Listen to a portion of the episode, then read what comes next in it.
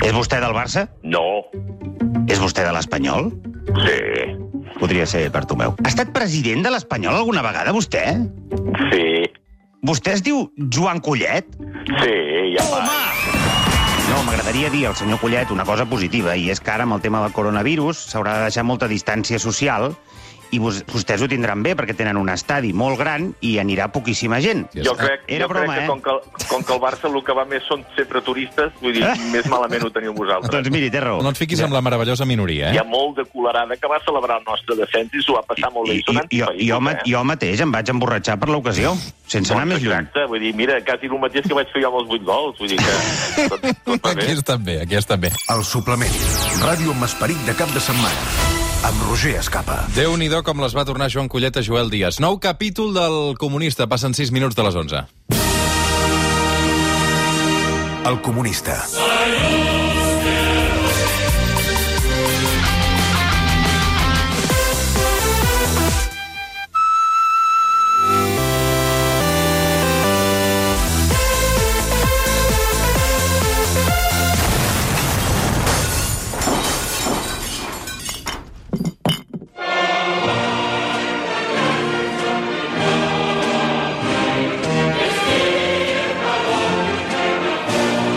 Camarada Joel Díaz, bon dia i bona hora. Camarada Escapa, llarga vida la teva, espero que sigui. Doncs tu deus estar de dol, perquè ahir, en aquesta semifinal de la Champions de futbol sala, Sí, senyor. que el Ricard Turcamà d'aquesta setmana res... pensàvem nosaltres i amb aquest espai entre el Barça i el Partit Comunista al Palau, mm. doncs el teu Partit Comunista va palmar, per tant eliminat, i això que arbitralment m'han comentat que Sí. van escombrar bastant cap a la URSS, eh? Sí, bueno, ja saps com, com funciona el Partit Comunista, no? Una mica. En tot cas, és, és, és, un, és una cosa una mica folclòrica el fet de que es digui Partit Comunista aquell, aquell equip, eh? Per què? Home, doncs perquè, perquè, bàsicament perquè és un equip privat, de financiació privada. Mm -hmm. Sí. O sigui, tu animaves, entenc, el Partit Comunista ahir, eh, per això? Jo, si t'he de ser sincer, no vaig veure el partit. Molt bé. Avui és 10 d'octubre, no és una data qualsevol. Fa 3 anys el president Puigdemont va proclamar la independència de Catalunya. També avui fa 3 anys que el president Puigdemont va suspendre la independència de Catalunya. Commemores tu aquella jornada significativa, Joel, o no? Doncs mira, no, no ho havia pensat, no ho havia pensat i es podria commemorar perquè, perquè va ser un moment important. Durant 56 segons vam ser independents, no, menys, Roger. 7 segons. 7 segons. 7. Saps què podríem fer per commemorar-ho? Què? Fem 7 segons de silenci. Molt bé, va. doncs va, avall. Vinga.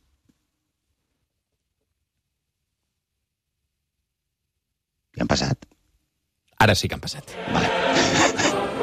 Doncs vinga, commemorat. Anem a les consultes. La primera consulta ens arriba des de Manlleu. Aquest oient no vol revelar la seva identitat perquè diu que ocupa un càrrec públic al seu municipi. Ai. Ens demana que ens referim a ell amb el pseudònim d'Alexei Garridov. No, pot ser. Diu així la consulta. Salutacions, Joel. Aquesta setmana hem sabut que l'alcalde del meu poble, Manlleu, el senyor Alex Garrido, ha decidit revocar la seva dimissió després que es fes viral aquell vídeo en què se l'heu altament perjudicat a causa d'una ingesta inadequada de substàncies alcohòliques. Després de meditar durant uns dies a Montserrat, ha pres la decisió, per mi encertada, de mantenir el càrrec, eh, en aquest cas, d'alcalde. Eh, Aquest episodi que s'ha produït a la Catalunya interior m'ha transportat fins a l'antiga URSS, on el destil·lat de patata corria com l'aigua. Creus que si hagués aleshores, eh, creus que si aleshores haguessin enxampat un alcalde soviètic begut, algun hagués reclamat la seva dimissió? Els preus que van als gintònics no trobes que emborratxar-se a base d'aquest combinat destil·lat eh, eh, destila capitalisme? Ah, vale, he jugat amb la paraula destil·lar aquí, no? De qui ha de ser una borratxera d'esquerres, com és el cas d'aquest alcalde? De què hauria de ser? Entenc que governar en estat etílic no és a priori una bona idea, però veient les decisions que prenen la majoria de polítics, sobris presumptament, penso que un parell de gots del que fos, abans de prendre decisions, els farien veure les coses des d'una altra perspectiva. Un brindis per tu, camarada, firma Alexei Garridov, des de són, Manlleu. són, són moltíssimes preguntes. Eh, què hauria de veure... Què hauria de veure una borratxera d'esquerres? Una borratxera d'esquerres és amb, amb calimocho, de tota la vida. Llavors, seguim. Camarada Alexei, unes, eh, unes imatges lamentables, com les ofertes per l'alcalde de Manlleu, serien impensables en un alcalde soviètic.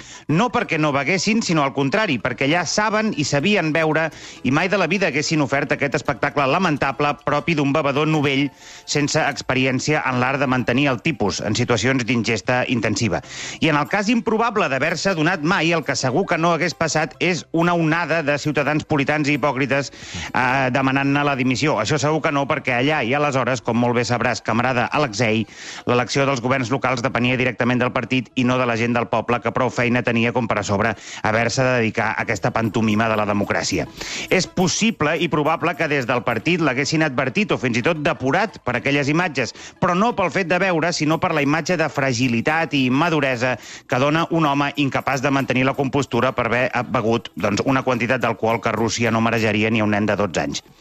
Ah, espera, espera, espera, espera. Ah, encara? no he acabat. Hosti. Sobre el que dius de si els nostres Cada dia polítics... ho fas més llarg, tu, això. Sí, bueno, al nivell de les preguntes, company.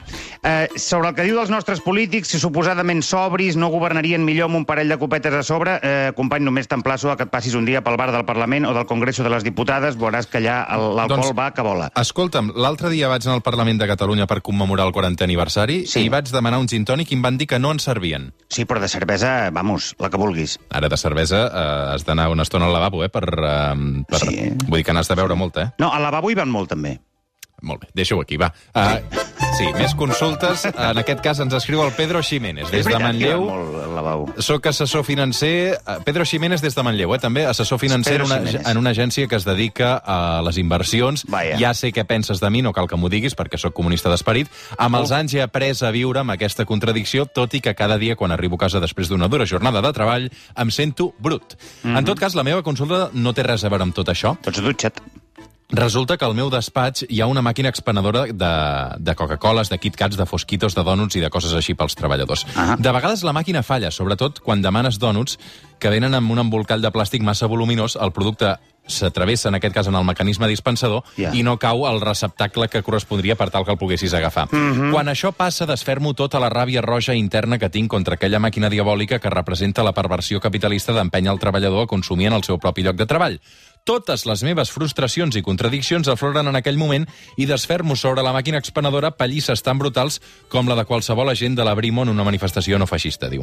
Faig Ja. bé, Joel, o m'ho he de fer mirar per un professional? D'altra banda, i això podria ser una informació però, de servei, però, però quines afegeix... turres que fot la gent, no? Durant quanta estona es pot apallissar una màquina expenedora sense que els teus companys de feina pensin aquest home està perdent la dignitat per 80 cèntims? Vale. Li dono un sol copet, 30 segons de pallissa, o he d'arribar fins al final? Bueno, aquest home, aquest home, mare de Déu, a veure, per començar. Un moment, puc puc fer una prèvia? Tu, i- ja. Sí. És a dir, jo aquesta imatge, jo l'he vist a Catalunya Ràdio. Sí. Perquè de màquines d'expenedors, jo l'he vist, i escolta'm, i l'he vist de realitzadors. Ui. Ui. Bueno, jo no vull dir noms. Dona no, noms. Jo no vull dir noms. però Jo he vist realitzadors de programes molt importants d'aquesta emissora Sí. Apallissant màquines expenedores perquè allà s'havia quedat atravessat un KitKat. Ara, rajant de Mònica Terribas, ara que no hi és, eh, Roger? Ara ho has entès. Molt bé.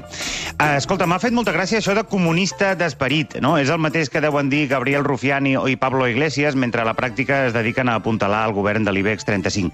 Dit això, les màquines de vending a les oficines per mi són clarament una de les armes alienadores més perverses del capitalisme modern. La idea és simple però molt efectiva. No cal que surtis de la feina per alimentar-te. No cal ni, de fet, que abandonis més de dos o tres minuts al teu lloc de feina.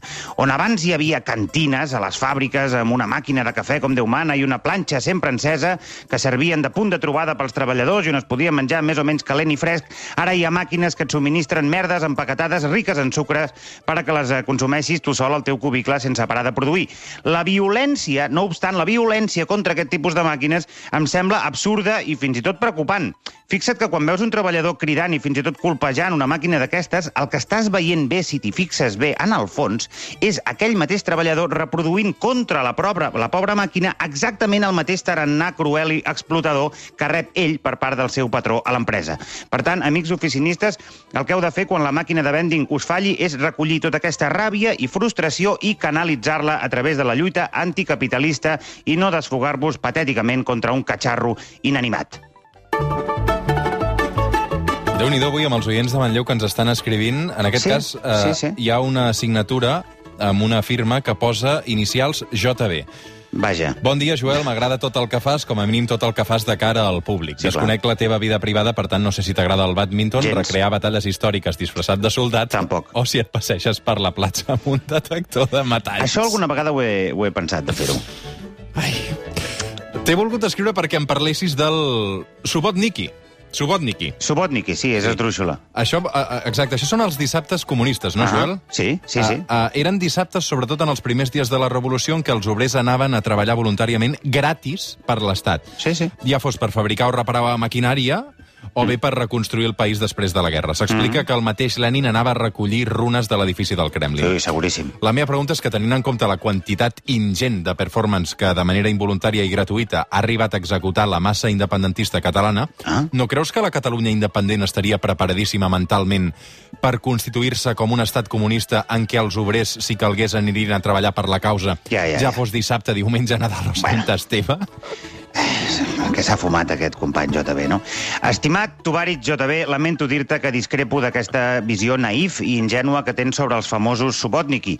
Una cosa, i això és una cosa que dic moltes vegades i ha de quedar clara, una cosa és ser comunista i l'altra ser gilipolles. És ben sabut que la martingala aquesta dels Subotnikis, igual de fet que tota la corrent està genovista que propugnava també a la URSS l'augment voluntari de la productivitat laboral basat en la pròpia iniciativa dels treballadors, en realitat fomentaven actituds eh, que estaven molt lluny de ser voluntàries. Participar dels subòtniquis, igual que fer-ho de l'estagenovisme en general, no era si una, una manera de, de, de guanyar punts, estatus i respectabilitat dins del partit. El que vindria a ser fer el repel·lent, l'empollón, el pilota o allò tan penós de voler ser més papista que el papa, o més marxista que Marx, en aquest cas. Els dies de festa, amics, són per dedicar-los al plaer i al cultiu d'una pròpia base de coneixements sòlida. I això serveix tant per la Rússia comunista com per la, Ru com per la Catalunya autonòmica i això que ara deieu de que aquest dilluns 12 d'octubre no hi ha res a celebrar. I tant que hi ha alguna cosa a celebrar. Se celebra que és festa, que no treballem i que, per tant, durant un dia més podrem ser més o menys lliures. Última consulta d'aquesta setmana també ens escriu un tal Jack. Jack Daniels, mm -hmm. eh, des de Gibraltar, concretament. Bon dia, Joel, em dic Jack Daniels, sóc de Gibraltar, però fa anys que visc a Manlleu, a la comarca d'Osona. Mm -hmm. T'escric perquè sóc un gran aficionat als himnes, no tant des del punt de vista musical com del missatge que ens volen transmetre. No cal Ok. dir que l'antic himne de la URSS em genera unes reaccions a nivell emocionals difícils de descriure, a nivell físic sí que t'ho puc descriure. Um, explica que s'empalma. Sí, doncs De mira, ja som dos. de tota manera, la meva afició pels himnes és crítica. En general, envelleixen molt malament i, en el millor dels casos, pateixen modificacions per fer-los políticament correctes Ahà. que els converteixen en una mena de composicions poètiques de baixa qualitat. L'actual himne rus parla de mars i de muntanyes. En canvi, el 1917, en plena revolució, es va adoptar com a himne una versió de la marsellesa que deia que el zar era un vampir que s'havia de matar.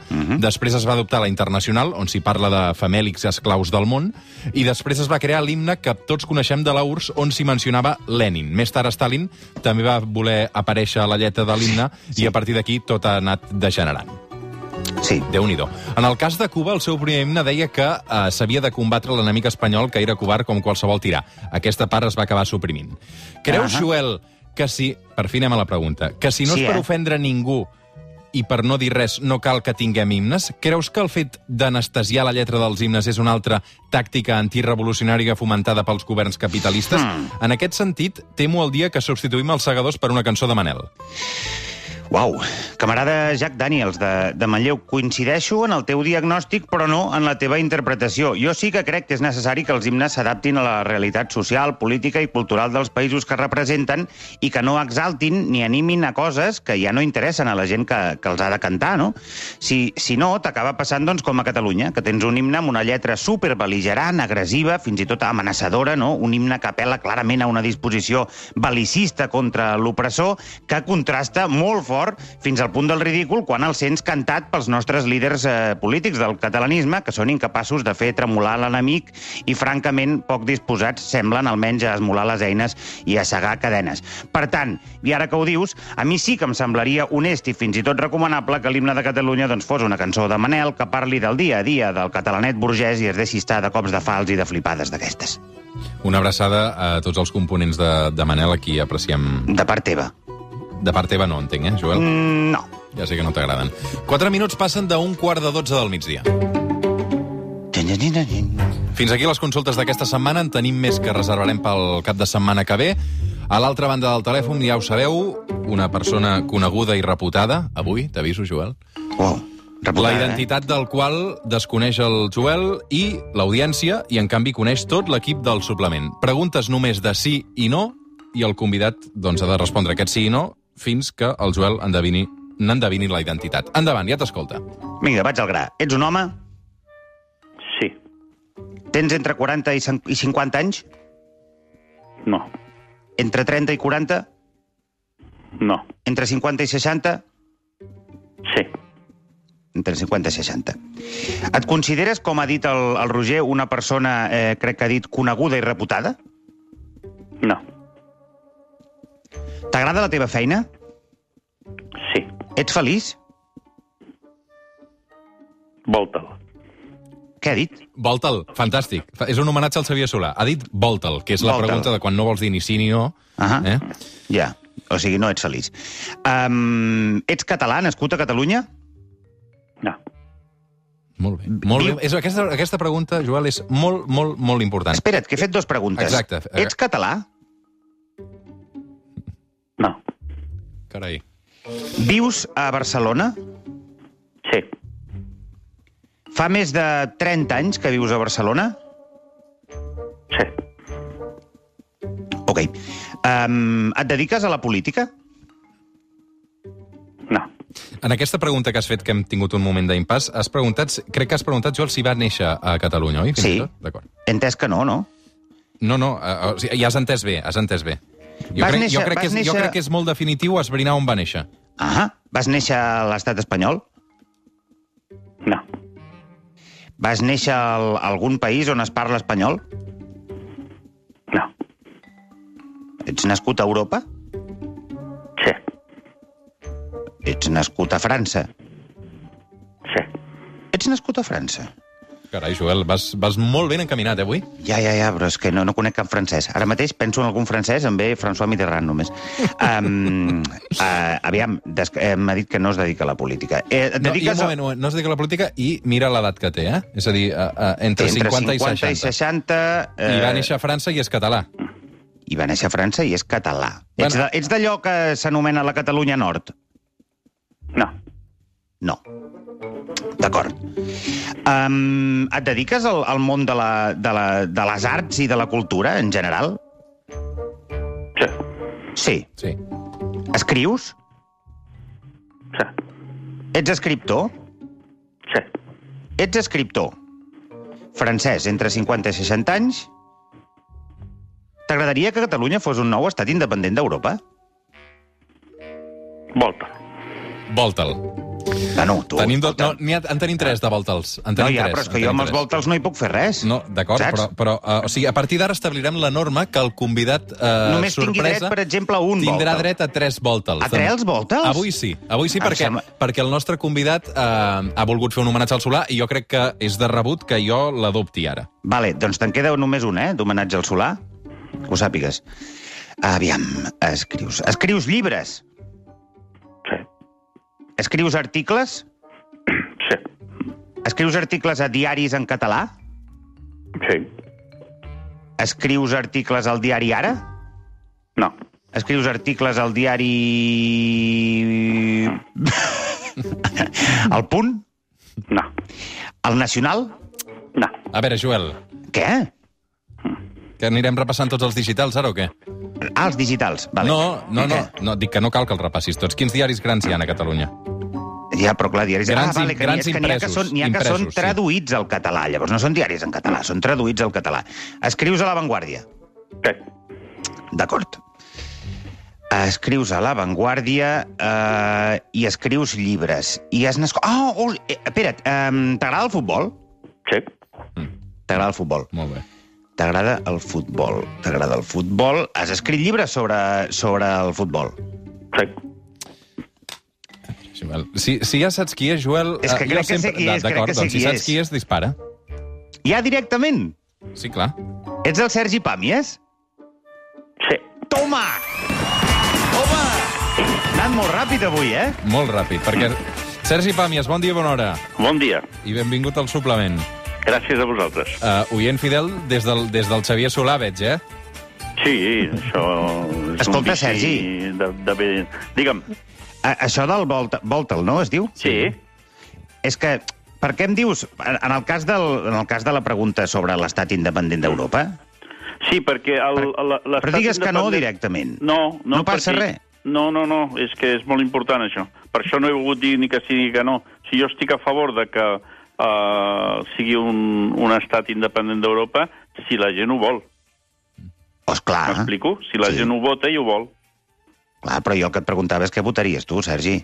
Ah, no, no, és, no és el que has preguntat. Sí, home, si jo et pregunto si tu vols. És que és la pregunta exacta que vam fer si aquell, en aquell referèndum. Ara, si tu em preguntes ara què votaria jo en un referèndum per ser independent o no, jo votaria que no. D'acord? Ah, Però val. si tu em preguntes com m'has preguntat et sembla bé que Catalunya sigui un estat independent d'Europa? Jo et dic, en funció de lo que vulgui la gent, evidentment. Ara t'he entès, ara t'he entès. O sigui, tu dir, estàs el a matís, favor... El matís està en, en, el, en el referèndum, diguéssim. En un hipotètic referèndum jo votaria que no. Però estàs a favor del referèndum. Va, ara. Ara ens hem entès. Vinga, seguim. Fets els matisos, clar, o sigui, jo tinc ganes de preguntar-li al Sergi Pàmies si ell és comunista o no, perquè amb el passat que té, no? Ai, no li he preguntat. Bé, jo sóc comunista eh, biològicament segur. És a dir, Sí. està demostrat que sanguíniament sóc fill de dos comunistes i net de, com a mínim, un altre comunista. De manera que biològicament sóc comunista, ideològicament no. Et ve de família, com el Barça, no? Sí, és una... Bueno, el Barça no em ve estrictament de família. Bueno, d'un tiet, no? Això mateix. Sí. El tiet m'inculca, però jo... És a dir, no és de naixement, el Barça, eh? És, és un, uh -huh. Jo sóc barcelonista d'adopció. Podries fer Eh. les, les memòries d'un comunista defectuós, també. També, També. també. En aquest cas potser seria més el comunisme el que és defectuós respecte a mi, perquè jo, de fet, com a comunista no sóc defectuós, perquè ho sóc Ja. 100%. Uh, però sí que, que ideològicament no, no, no ho he sigut mai, no. I, i uh, a casa et van intentar inculcar els valors comunistes, Sergi, o no? O tu ja vas no, passar de tot no, això? No, no, no. El, una de les característiques de casa meva és que no hi havia un adoctrinament estrictament orgànic del partit, sinó un adoctrinament més general, més de valors, com a Mm. tantes cases. No? Si estàs en una casa catòlica o cristiana, doncs hi ha uns valors, però no, no cal que sigui de l'església del Pentecostés. Ja. Doncs a casa meva passava una mica el mateix. No, no se'ns no se'ns dirigia cap a un partit en concret, però sí que l'ambient general era no solament molt polititzat, sinó molt connectat amb l'humanisme i, amb el, i amb el comunisme, evidentment. Però no, no ens van apuntar les joventuts comunistes de petit, ni ens van posar un, un mocador al coll, ni tot això. Vale. Joel, dispara, dispara. No, eh, jo primer dir-te que, que ets un dels meus ídols, eh, Sergi. I de la, Carai. jo, sí, sí, sí, és, és, és veritat, m'agra- m'agrada molt com escrius i, i jo sóc una persona poc lectora perquè tinc TDAH i em costa molt eh, això de llegir i en canvi a tu t'he llegit sempre de manera molt voraç. No, no s'hi val això de començar a ensabonar el convidat, eh, Joel? Vull dir aquesta, aquesta, fun- preparat. aquesta, d'estar preparat per la... Eh, no, és que, és que no sé... És que no aquesta sé... funció ja la faig jo, vull dir que... No tinc cap ganes d'apretar-lo, Roger. Doncs mira, ja, no, qui, qui està pitjor ara mateix? Uh, Sergi, ja que parlem d'això, el, el comunisme, la Comunitat de Madrid o el Barça? Entre els tres? Perquè... Bueno, el comunisme, el comunisme en principi com a tal ha desaparegut, per tant, eh, eh, i de fet, jo crec que la Comunitat de Madrid, que està molt malament, eh, estarà, està molt semblant a com estarà els, les regions i les, i les autonomies que hi ha al voltant, eh? és a dir, que això és general. Estem veient que el, que el creixement de casos i una mica el caos polític s'està estenent a tota Europa. No, no crec que sigui una cosa peculiarment pròpia del, de la Comunitat de Madrid. Té unes, unes diguéssim, una, una, unes peculiaritats pròpies, però però no és, no és un problema d'ells només, és un problema general de com fer possible l'equilibri entre la, la, la, el rigor sanitari i la- l'economia, no? I, i, el, I el Barça què? No cal que en parlem, no? El Barça està en un moment molt, molt, molt delicat. Eh, Jo espero que, que en els, les pròximes setmanes passin coses que ajudin a sortir-se'n, però estem en una situació tan, diabol, tan diabòlica en què l'element principal, i això es diu poc, continua sent la pandèmia, perquè és el que afecta realment al, a la naturalesa del joc, de l'espectacle, Sí. inclús de l'afició i, i a l'economia, eh, i, i sobretot que, que podria arribar a passar que tinguéssim tanta mala sort que fins i tot una cosa tan sana com la moció de censura fos contraproduent, no? Eh, I això és el Per que què? hem d'acabar... Per què Home, contraproduent? Per, per tot el, tot el laberint Bueno, i pel- eh, i- i- sí. institucional i econòmic que pot crear. Ja et dic, no ho afirmo, perquè he parlat amb moltíssima gent, perquè és un tema que m'interessa, Mhm. i en trobo gent que té... O sigui, gent que partim tots de la base de que aquesta Junta ha de, ha de deixar-ho, Mhm. però hi ha gent eh, qui confio molt i que té un criteri molt acurat i que són molt barcelonistes que et diuen que potser seria millor esperar a arribar a les eleccions. Però, en canvi, els resultats de la moció, així inicialment els 19.000 butlletes, és, Sí. un, és una bona notícia de les poques que hi ha hagut últimament. Sergi, va, eh, vas sentir ahir, per casualitat, l'advocat del Barça, no recordo el nom ni, ni ganes... Eh, Roman que va- Gómez Pontín. Sí, Sí, el, sí, el vas sí. sentir El ahir, Tot el Tot Costes. Costes? Absolutament extraordinari. Una de les grans entrevistes de l'any. Sí, sí, és que... Memorable. Aquest, aquest home és el cap dels serveis jurídics del, del Barça, Sí, eh? home, sí. Eh, eh, no com, a, com a metàfora és, de la... És el Douglas del, del, del Sí, sí, sí, sí, sí. Sí, sí. Clar, aquest, eh, sí, a mi el, el, el fragment que posàvem aquest matí era aquest senyor dient que anar a la Guàrdia Civil amb aquesta informació no significava posar la denúncia. Que la Guàrdia Civil havia interpretat que el Barça volia denunciar aquesta qüestió, que era una cosa surrealista, no? Sí, però això, això ens podríem trobar que potser els que estem ara parlant no tenim els coneixements per distingir una cosa de l'altra, no? Et veig molt prudent, que... eh, Sergi? Perdó? Et veig molt prudent. No, però és que eh, el que no s'ha de confondre és la literalitat de la prosa i de la verborrea del, del, del que van entrevistar Sí. amb el contingut i amb el que nosaltres opinem. Jo ja et dic, jo, per mi va ser un festival retòric digne... O sigui, jo, jo situo la- l'etapa de Bartomeu, Sí. segurament ho escriuré el dilluns, eh, entre l'entrevista que li va fer Mònica Terribas a Carlos Ibáñez sobre el Barça Gate Sí, déu-n'hi-do, aquella també. i, i, la, i la del Costa i la, i la Gelmà en el... En el, El de la, el de la cotxera, no? el de la cotxera, o sigui, Sí, entre la de- cotxera i la denúncia Sí, de la sí. Guàrdia Civil, per mi està la fase terminal del mandat de Bartomeu. Té, té una capacitat increïble, aquest home, per envoltar-se de, de, de, de friquis. I prendre, i prendre les pitjors decisions Sí. comunicatives, perquè Possibles. si tu deixes en mans de gent que són externs del club, encara que siguin barcelonistes, que no ho dubto, eh, Jo sí que ho dubto. la, la, la imatge del club eh, estàs, estàs arriscant molt, i ahir es va notar molt, no?, que aquest home, per... anem a imaginar que tinguéssim molt bones intencions i que els equivocats fóssim nosaltres, va ser una catàstrofe. O sigui, a Sí. nivell institucional eh, va ser una catàstrofe. Parlo de comunicació, eh, no, de, no de lleis, que això no hi entenc. No, és que tots tindríem ganes segurament de sentir el president Bartomeu, però clar, no... Bueno, no sé si en tindríem ganes. Jo sí, eh? Jo ja no. Total, pel que ha de dir, pobre Jo home. ja no. O sigui, les últimes vegades que ha parlat, la seva relació amb els continguts reals del que estava passant amb el club i la seva manera d'interpretar-los em va semblar fins i tot cínica, eh? Per tant, jo no sé si tinc ganes de veure. El que, és, sens dubte, no hauria de ser aquesta l'estratègia del club. Sergi, amb, amb, amb tot això del procés, i sobretot fa 3 anys...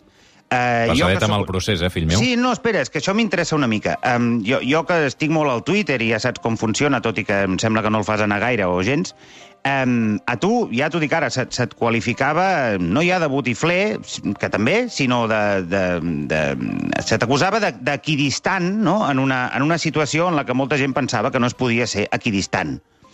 I, I tu, com molta altra gent, que realment us, us, us movíeu entre aquest respecte al dret a decidir i la voluntat de seguir ser espanyols, veu quedar, en, enmig d'aquesta polarització, veu quedar com una mica fora de joc. Tu t'ho vas passar malament o t'ho estàs passant malament encara per culpa d'això? No, eh, jo, a veure, jo tinc la inquietud que poden tenir tots els ciutadans. Jo crec que és una mica... Hi ha hagut un pèl de cinisme amb això de d'atribuir-se un dolor eh, oh, jo ho he passat molt malament perquè he estat dintre del foc creuat.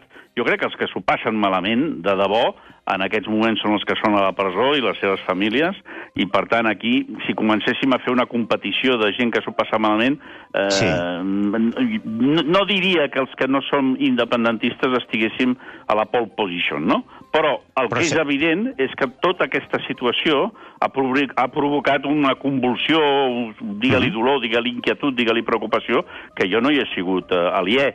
Ara bé, amb el tema del, del Twitter i del que puguin dir, eh, jo no, no tinc una relació directa, m'arriba, m'arriba, perquè tinc familiars i amics Sí. que, que m'ho poden dir, però sempre m'imagino, no sé, un senyor amb una cantonada de- d'un carrer eh, d'una ciutat X eh, Ah. cagant-se amb mi. Vull dir, jo no puc fer-hi res, saps què et vull dir? Sí. Vull dir que, que m'interessa molt més l'opinió identificable que m'arribi d'algú amb qui confiï, no sé, un amic o, o una persona que escrigués un article eh, dient-me de tot, això sí que m'afectaria. Però en principi això no ha passat i després, en principi, dintre de la, de la mm, bombolla aquesta opinativa eh, en la que jo també he participat, jo he mantingut, crec jo, eh, mm. això és- és opinable, sempre una, una posició, a més a més m'ho he proposat, de parlar sempre de les, de les meves opinions amb respecte pels altres. I Sí. aleshores, jo penso el que penso, això no puc fer-hi res. Eh, inclús de vegades m'agradaria pensar diferent, eh? però penso el que penso. I, i això, si ho, si ho manifesto amb respecte, que no, això no vol dir que no pugui ser irònic o mm. mordàs, o, doncs crec que en aquest terreny de les coses que poden provocar un col·lapse civil eh, de dimensions Sí. eh, incalculables, és prudent de fer-ho, és prudent. I jo ho he practicat, no, no, no haurà contentat a tothom, i em consta que Twitter és un lloc especialment propens a, a la promiscuitat eh, Sí, emocional, eh? Però el fet de que a Twitter m'insultin, mm, dintre de la meva vida, no, no interfereix, no interfereix. Bueno, és que al, al final una cosa que va passar i que jo vaig trobar molt curiosa és el fet que hi havia vegades que jo pensava, dic, dic aquí, eh, aquí hi ha simplement una persona que, que és espanyola, que se sent espanyola, i, i, i, això, no, i això no és dolent com si diguéssim. Però eh, hi va haver un moment en el que tu manifestar-te com a espanyol i com a per persona partidària de que Catalunya segueixi formant part d'Espanya mm. eh, eh, era vist com identificar-te amb l'estat espanyol i les seves polítiques. Aleshores, crec que era una postura, la, la teva o la, de, o la de gent que sí que plorava molt, com el Jordi Évole o el Buenafuente, era una postura difícil de defensar. Només volia dir això. Sí, però veus, eh, eh, en aquí discreparíem, Joel, perquè tu fas l'afirmació de que l'Évole i el, Bonafuente ploraven molt, però jo també els he vist argumentar. I sí que penso, eh, i això és una cosa que fins i tot li he dit, almenys a l'Évole, li vaig dir alguna vegada, uh -huh. que crec que ells estan massa pendents d'aquestes reaccions Ah, eh, sí, sí. eh, immediates, Massa anònimes. Twitter. No, I clar, és que estem parlant de gent anònima. És a dir, jo no... no o sigui, viure amb, amb, amb permanent vulnerabilitat d'una gent que ni coneixes, ni saps qui són, ni saps com, de quina manera han arribat a aquella conclusió, Ja. ni tan sols si t'han llegit, si, si t'han escoltat amb la claredat o amb la comprensió lectora que qualsevol ha de tenir. Eh, tot això, eh, jo trobo que és anar a buscar, és anar- és anar-te a buscar problemes, és Sí. anar-te a buscar una, una tensió i una, i una, com t'ho diria, és anar-se a amargar. No? Sí, sí. Hi, ha, hi ha prou Bueno, però motius el Quim- per amargar-se així de manera racional. No? El Quim Monzó ja està molt enganxat, eh? Bueno, però el Quim, el Quim és un pioner en això. Em sembla que va ser dels primers. Sí. I sempre, almenys eh, quan havíem parlat d'això, sempre defensava molt que era la part aquesta més com t'ho diria, més gamberra, més Sí. còmica, més... Es... i la velocitat amb la que apareixia el talent i la- i la- l'enginy, no? És a dir, que Mhm. no em sembla, a mi almenys eh, que jo sàpiga, no em sembla que el Monzó es dediqui a insultar gent. No, no me l'imagino. està per sobre I, en canvi, aprofita, mm, pel que jo he entès, tot el que té a Twitter per, per alimentar aquesta espurna. El de... O sigui, en el fons està lluitant contra l'avorriment, no? Sí. És a dir, hòstia, miro per la finestra i veig coses que passen que em fan riure, no? Tu creus que I és el s'avorreix fem el- el Quim? Perdó? Tu creus que s'avorreix, el Quim? No, no, tots ens avorrim. Sí. Ostres, si només fos el Quim, Ah. jo m'avorreixo moltíssim. Eh? Vull dir que em sembla que l'avorriment és el motor de la història. Carai, doncs el titular de l'entrevista potser ha sortit al final de tot. Uh, 11 i 38 minuts. Uh, moltes gràcies uh, al Sergi Pàmies avui per jugar amb el suplement.